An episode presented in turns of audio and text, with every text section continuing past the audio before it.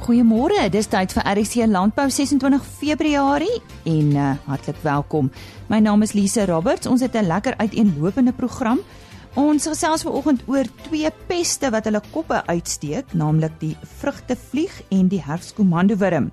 Dan praat ons met 'n saalperd afrigter. Ons praat oor renosters en die stroping, die nuutste nuus daaroor en natuurlik altyd op 'n maandag is iets oor veilings. Die gevreesde vrugtevlieg het sy kop uitgesteek onlangs daar in die Grabouw omgewing. Ek gesels nou met Jan Hendrik Venter, hy's bestuurder vroeë waarskuwingsstelsels by die Departement Landbou, Bosbou en Visserye. Jan Hendrik, uh, goeiemôre. Wat het einde Januarie vroeg Februarie gebeur? Ja, ehm um, weet jy ons het ehm um, in in môre ook geskies. Uh ons het die die vrugtevliegvalletjies reg deur die land en ons maak ook gebruik van die industrie om ons te help met met opnames en dis deel van die departement landbou, bosbou en visserye se strategiese plan om eksotiese vliee op te spoor so gou as moontlik. So die valletjies was al reeds daar vir vir etlike jare. Ehm um, wat nou gebeur het in die Wes-Kaap in in spesifiek daai area eh, ehm um, by Elgin was dat daar 'n uh, een vlieg op 31 Januarie gekry is met valletjie. Ons het onmiddellik 'n uh, wat ons noem in Engels 'n delimiting survey begin uh, met in die in die weer eens het die bedryf ons baie gehelp daar.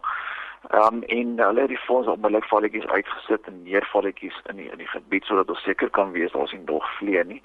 En ons het ook 'n uh, 'n vergadering gereël met ons met ons ehm um, produsente in die area en um, saam met die pakhuis bestuurders ook in die area en dan ehm um, wat toe nou gebeur het die 6de Februarie is 'n tweede vlieg gekry in dieselfde valletjie. Altyd die vlieg het ons toe nou nou gevat vir identifikasie en dit is later molekulêr ook ehm um, bewys dat dit dieselfde vlieg is naamlik die die Macrosora dorsalis of die orientale vrugtevlieg. Ehm um, die dis 'n vlieg wat al geruime tyd in Suid-Afrika is, um, in die noordelike en oostelike dele van die land en dit word amptelik beheer met ander woorde dit is uh deel van ons regulasies omdat dit nog steeds 'n kwarantyne pes is.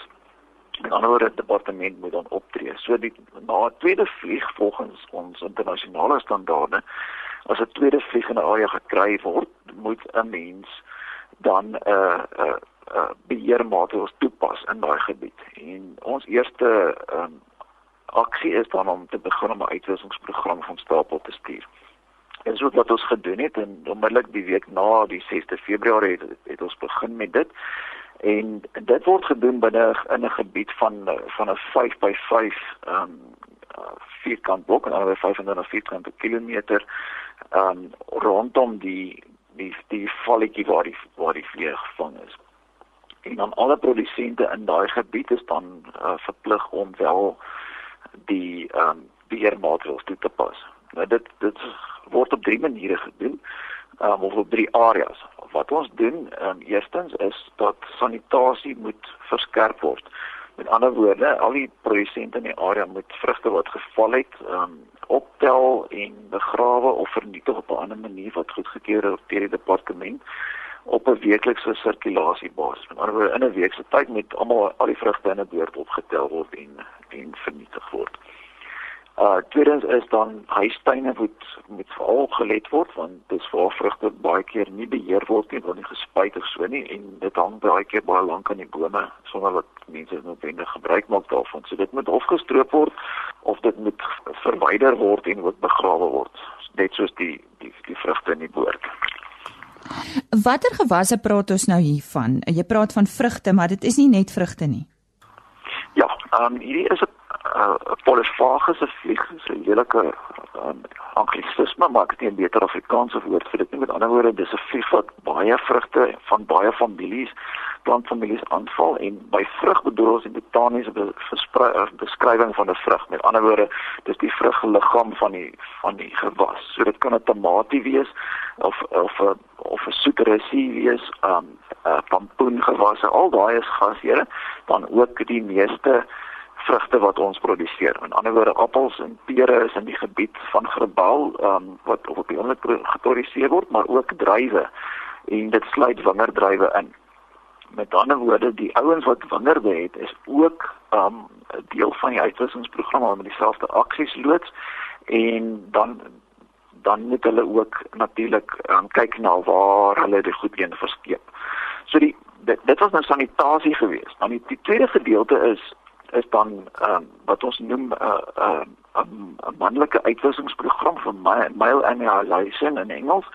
Wat ons daarmee doen is ons vat 'n veselblokkie en dit en dit word vervaardig vir ons, maar dit is geïmpregneer met 'n met 'n pesticide of 'n insekmiddel en ook 'n lokmiddel vir die vir die vlieg dan wat net mannetjies lok, want en dit word in die boorde gehang omtrent so 4 blokkies per hektaar, 4 tot 8 tot 12 en dan af van jou infestasievlakke en dan uh, gaan die mannetjies na die blokkie toe en hulle uh, wat word gelok deur die uh, die lokmiddel wat ons noem methyl egenol is die is die bestanddeel.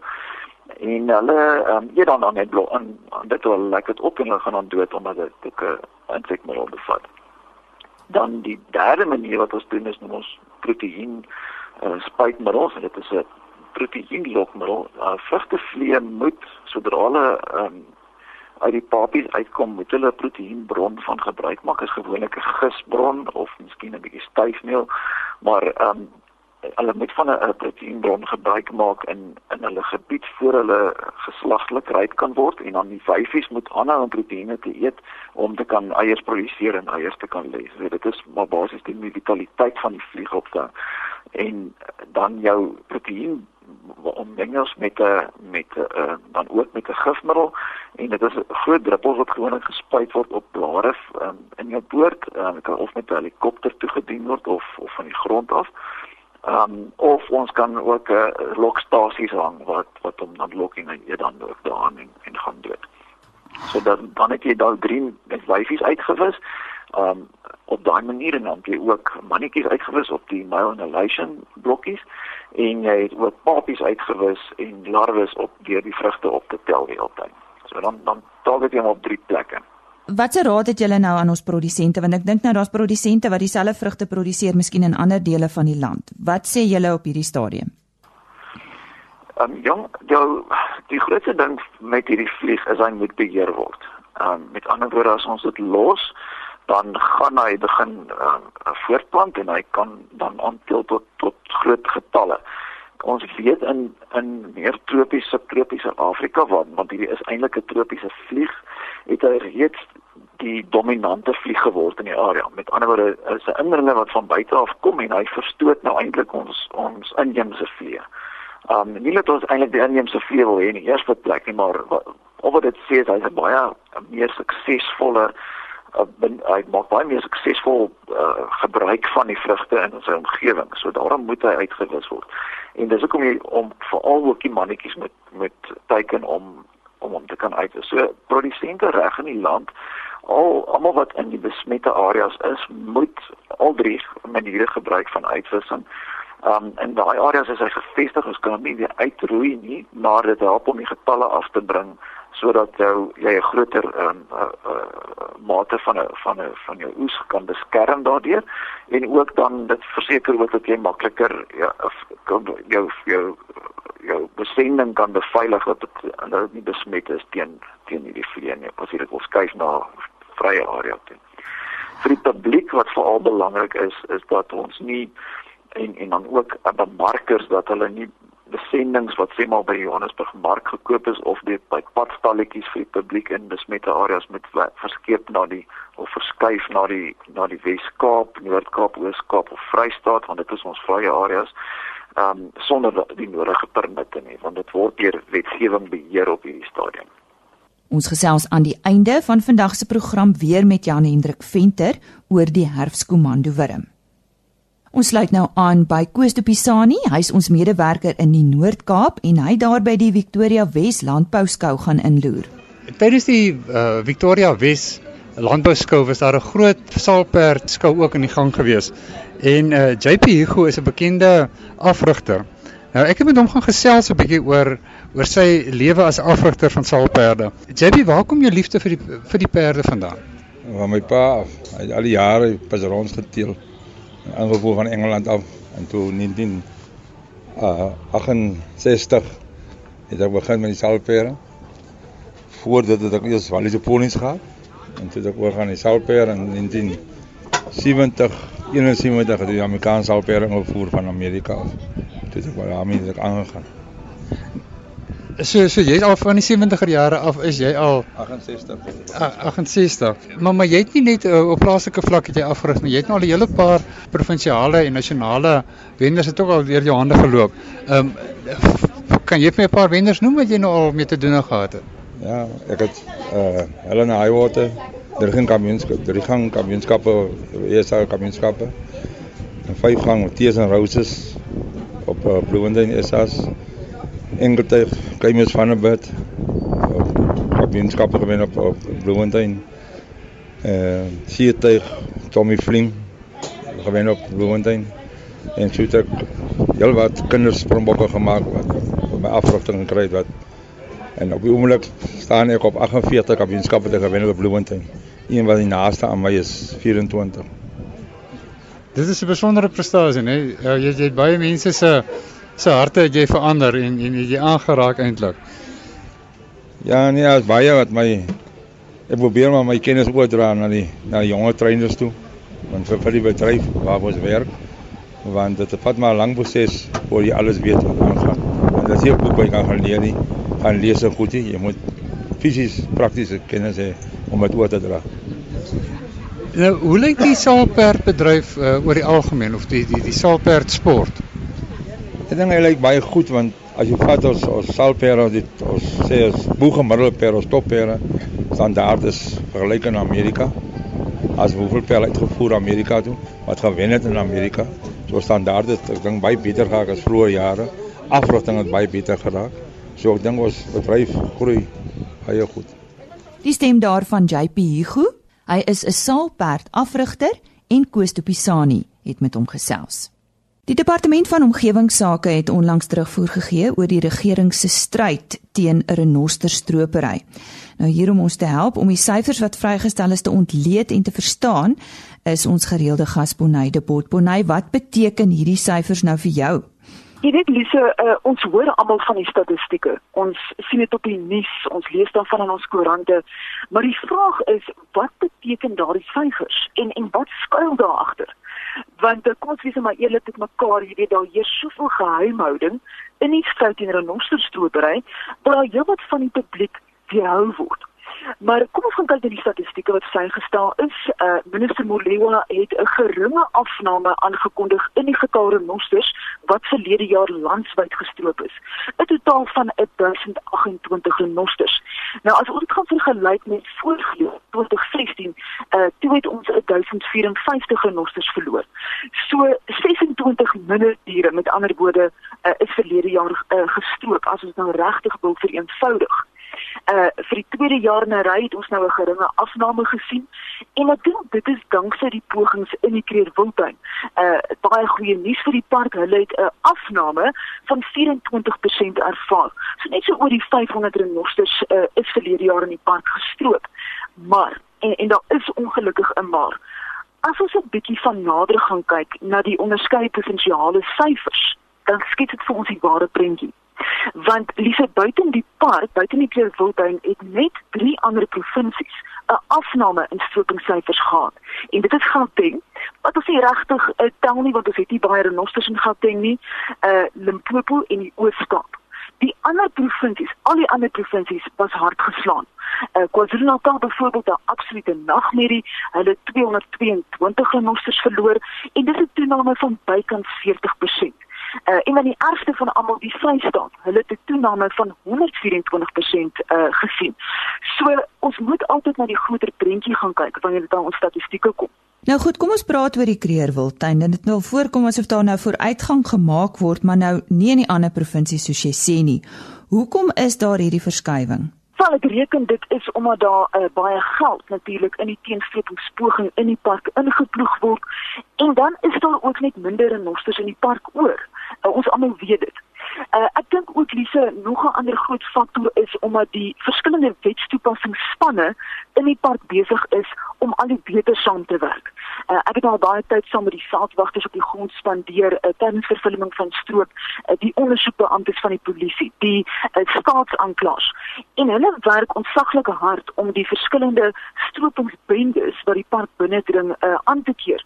Jy weet hulle vertel vir my dat die syndikaatleiers buite die park byvoorbeeld sommer 'n hele klomp van hierdie stropingsbendes op dieselfde tyd uh, in die park instuur. So dit is 'n geweldige hoeveelheid ehm uh, verskeie bendes wat op een slag werksaam is in die park en hierdie spanne werk baie goed saam. So ek dink dit is een rede uh, en dit het gelei tot 'n toename in skuldigbevindings uh, verlede jaar. Dit is op van 58 tot 111. So uh, uh, hierdie toegewyde samewerking is een rede dink ek hoekom die stropery afgeneem het in die park, maar dit lig natuurlik ook vir ons uit wat nie in ander gebiede, ander provinsies gedoen word nie. KwaZulu-Natal gaan gaan baie dringend moet kyk na hulle pogings en dan word ek ook vertel Lise dat uh, korrupsie daar 'n groot rol speel. Ja, ek wil juist weet watter rol speel korrupsie in die stryd teen renosterstropery. Ek dink dat uh, net soos met enige ander aspek van die regering word ons vertel dat korrupsie die stelsel binne gedring het. As ons na 'n spesifieke provinsie gaan kyk soos KwaZulu-Natal, 222 renosters is daar gestroop en 95% van die stroping het in provinsiale parke plaasgevind, soos Sosue in Folonzi. Uh ja, die privaat eienaars in die provinsie het hulle renossers onthoring en en dit kan 'n faktor wees, maar daar is beweringe van wetstoepassers wat in die nek van syndikaate beland het. Jy sou ook uh goed onthou dat ons eie minister van polisie het onlangs getweet dat die polisie diens wemel van kriminele elemente uh minister Molewa het ook daarna verwys uh, tydens die perskonferensie en ook genoem dat 21 regerings uh amptenare verlede jaar aangekeer is vir stropingsverwante voorvalle. En hierdie is die mense wat ons nou moet vertrou. Jy weet, maar dan moet ons ook nou onthou dat eh uh, korrupsie uitgelig word in in 'n verskeidenheid van regeringsafdelings en dis 'n goeie teken. Eh uh, en dan was die tema van korrupsie eh uh, ook eh uh, in die, in fokus by die Afrika Unie beraad wat uh, sopas in Januarie plaasgevind het. So die tema van korrupsie word bespreek, maar kom ons hoop daar word vordering gemaak en en daar word 'n aksie oorgegaan. So vir die 5de agtereenvolgende jaar het ons meer as 1000 renosters verloor. Kan ons hierdie slagte enigsins keer? Lisa, ek wens ek kon vir jou sê jy weet hierdie is die oplossing, maar daar is ongelukkig geen enkele oplossing nie. Uh wat ons benodig is 'n veelvoudige aanslag van die regering se kant af op alle fronte en en dit sluit ook in oorgrens samewerking. Ek dink wat 'n baie proaktiewe aanslag is, is die verskuiwing van renosters na ander areas toe, veiliger areas toe, ander lande toe. Uh, ons het nou al renosters na Botswana toe gestuur byvoorbeeld. Uh, daar word ook binnekort na Tsaad toe gestuur uh voor die renosters geskei word, uh moet die area geïnspekteer word want moet die belangrikste is dat hierdie renosters kan beveilig word daar en veilig gehou kan word daar. En dan moet ons ook kyk kan die renosters natuurlik daar aanpas. So jy kyk na habitat, jy kyk na klimaat en daai tipe van ding. Maar ek dink uh ons moet na ander opsies kyk wat beskikbaar is, maar ek dink verseker die verskuiwing van renosters is 'n stap, 'n positiewe stap in die regte rigting. Kom ons gesels oor daai ander opsies. Kan die nabootsing van renosterhoring deur middel van 3-dimensionele gedrukte horings tog 'n oplossing wees, Bonnie? Wat dink jy? Ja, dit is 'n interessante een. Uh, Lise, dit is 'n baie kontroversiële debat op die oomblik omdat die doelwit hier is om die mark te laat oorvloei met sintetiese horings. Uh so wat hierdie maatskappye doen is hulle vervaardig 'n produk uit keratin uit. Dit is dieselfde stof in ons naels en ons hare en in egter renosterhoring. So hulle maak die die sintetiese horings geneties identies. En dan maak hulle 'n driedimensionele afdruk daarvan. So dit lyk ook presies soos 'n renosterhoring. Uh jy weet hulle sê dit lyk dieselfde, dit voel dieselfde. So dit gaan baie moeilik wees om onderskeid te tref en te sê hierdie is 'n egte ware renosterhoring en hierdie is 'n sintetiese renosterhoring. Nou die vraag is natuurlik, uh hoe gaan dit die mark beïnvloed en hoe gaan die mark daarop reageer? Nou die maatskappye is van mening dat omdat die sintetiese horing redelik goedkoop vervaardig kan word, hulle dit teen 'n redelike lae prys kan verkoop. En dit sal dan nou ook die die prys van egte renosterhoring afdwing. Aan die ander kant het jy nou weer die sê diegene wat sê uh wel die mark bestaan al reeds uit 90% replikas uit soos byvoorbeeld waterbevolhoring uh wat verkoop word in plaas van renosterhoring en dit het ek eerstens ook ervaar tydens vervulling in Asië en die slagting gaan steeds voort. So hulle dink dit gaan nie werk nie.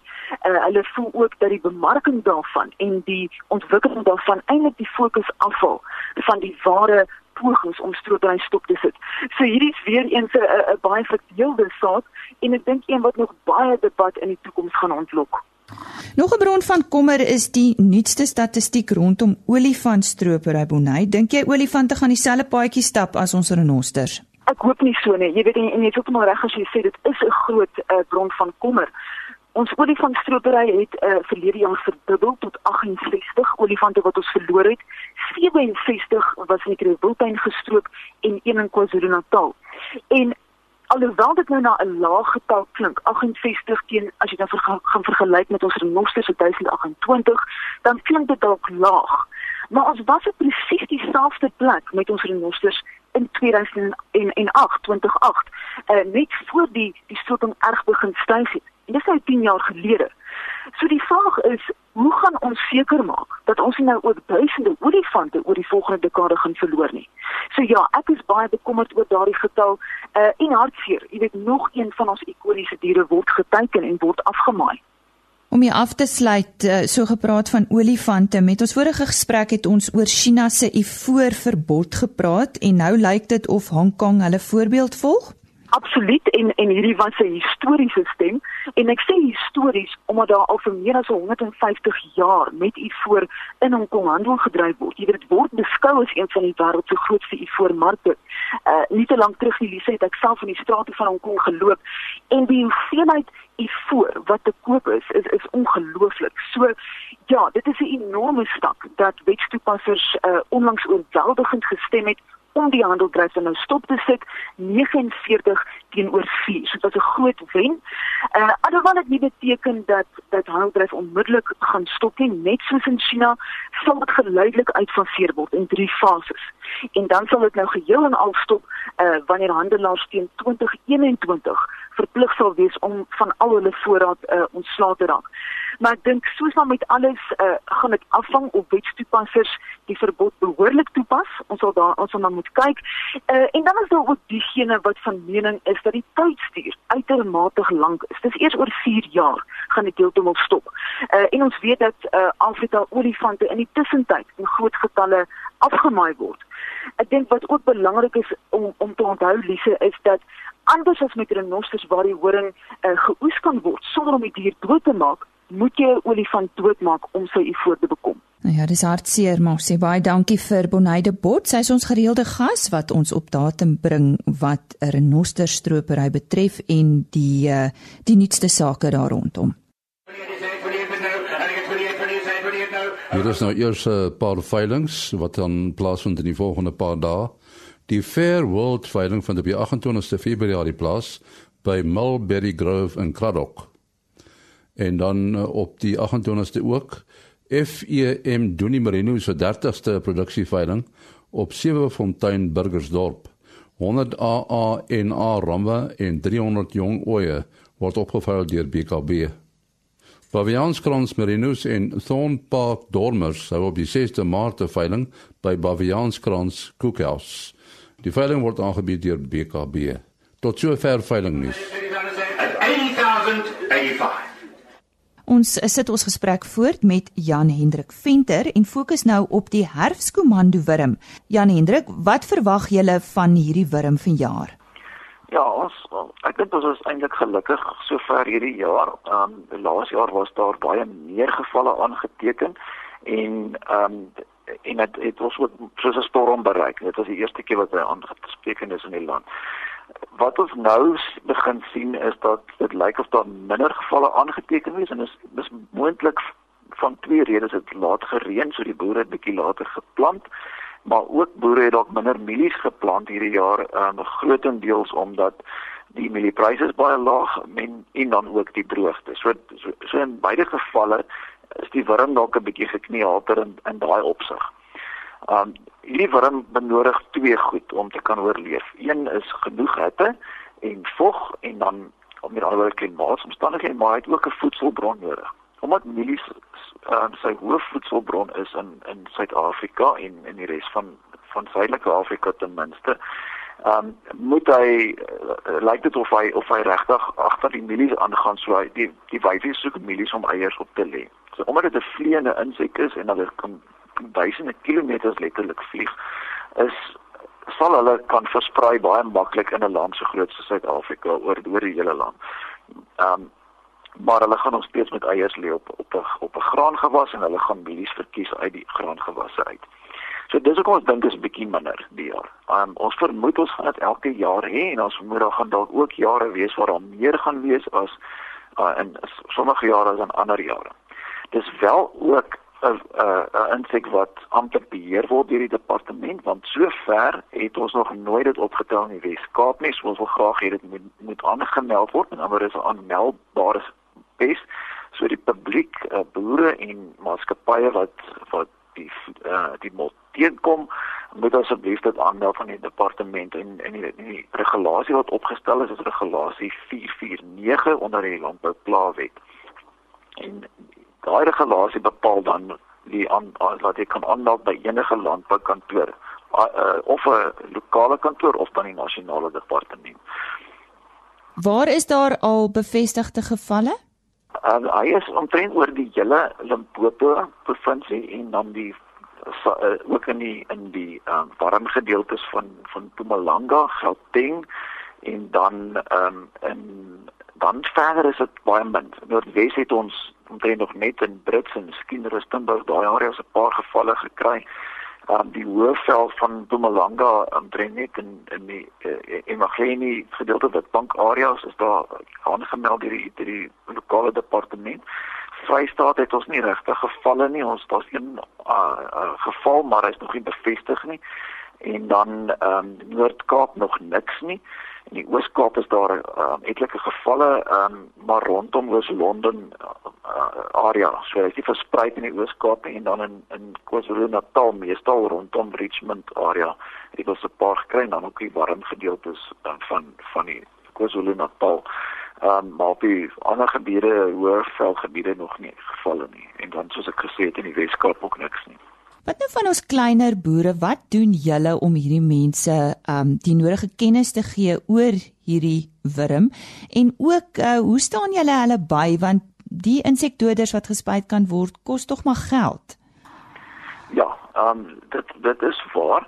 Die departement ehm um, het wel beskikbaar gestel uh, dat die die nasionale departement beskikbaar gestel dat die provinsiale departemente van landbou van hulle um, ontwikkelingsbefondsings kan gebruik onder andere ook om die om die klein boere te help. So daar's nie befondsing direk van die departement of op hierdie stadium nie. Wat ons wel gedoen het is om dan jou jou bewusmakingsveld tog te op te skerp en ook die nodige navorsing en en en ehm um, dokumentasie aan die gang te begin kry. Ehm um, dan het ons ook verder 'n nasionale opnameprogram uh, van stapel gestuur. Dit word grootendeels ondersteun deur deur ons industrie, ehm um, Graan SA en Sansor ehm um, en dan ook deur ons maak ons gebruik van van privaat maatskappye Biosecurity Africa en dan die departement se eie inspekteurs wat wat wat die groot gros van die van die valletjies opstel landwyd. So dan het ons 'n goeie idee van wanneer kom hy waarvoor. Um en, en, en dit is maar waar ons ons ons ons finansiering deur deur gekanaliseer het. Die klein boere het um se se fokuspunt is dan nou hulle lokale en la en provinsiale landboukantore vir vir vir addisionele hulp. Dit was dan die nuutste oor die herfskomando wurm en ek het met Jan Hendrik Venter gesels. Hy is bestuurder vroeë waarskuwingsstelsels by die departement landbou, bosbou en visserye. Ons kuier weer graag môreoggend saam met u om 05:30. Totsiens. RSG Landbou is 'n produksie van Plaas Media. Produksieregisseur Henny Maas. Aanbieding Lisa Roberts. En inhoudskoördineerder Jolandi Root.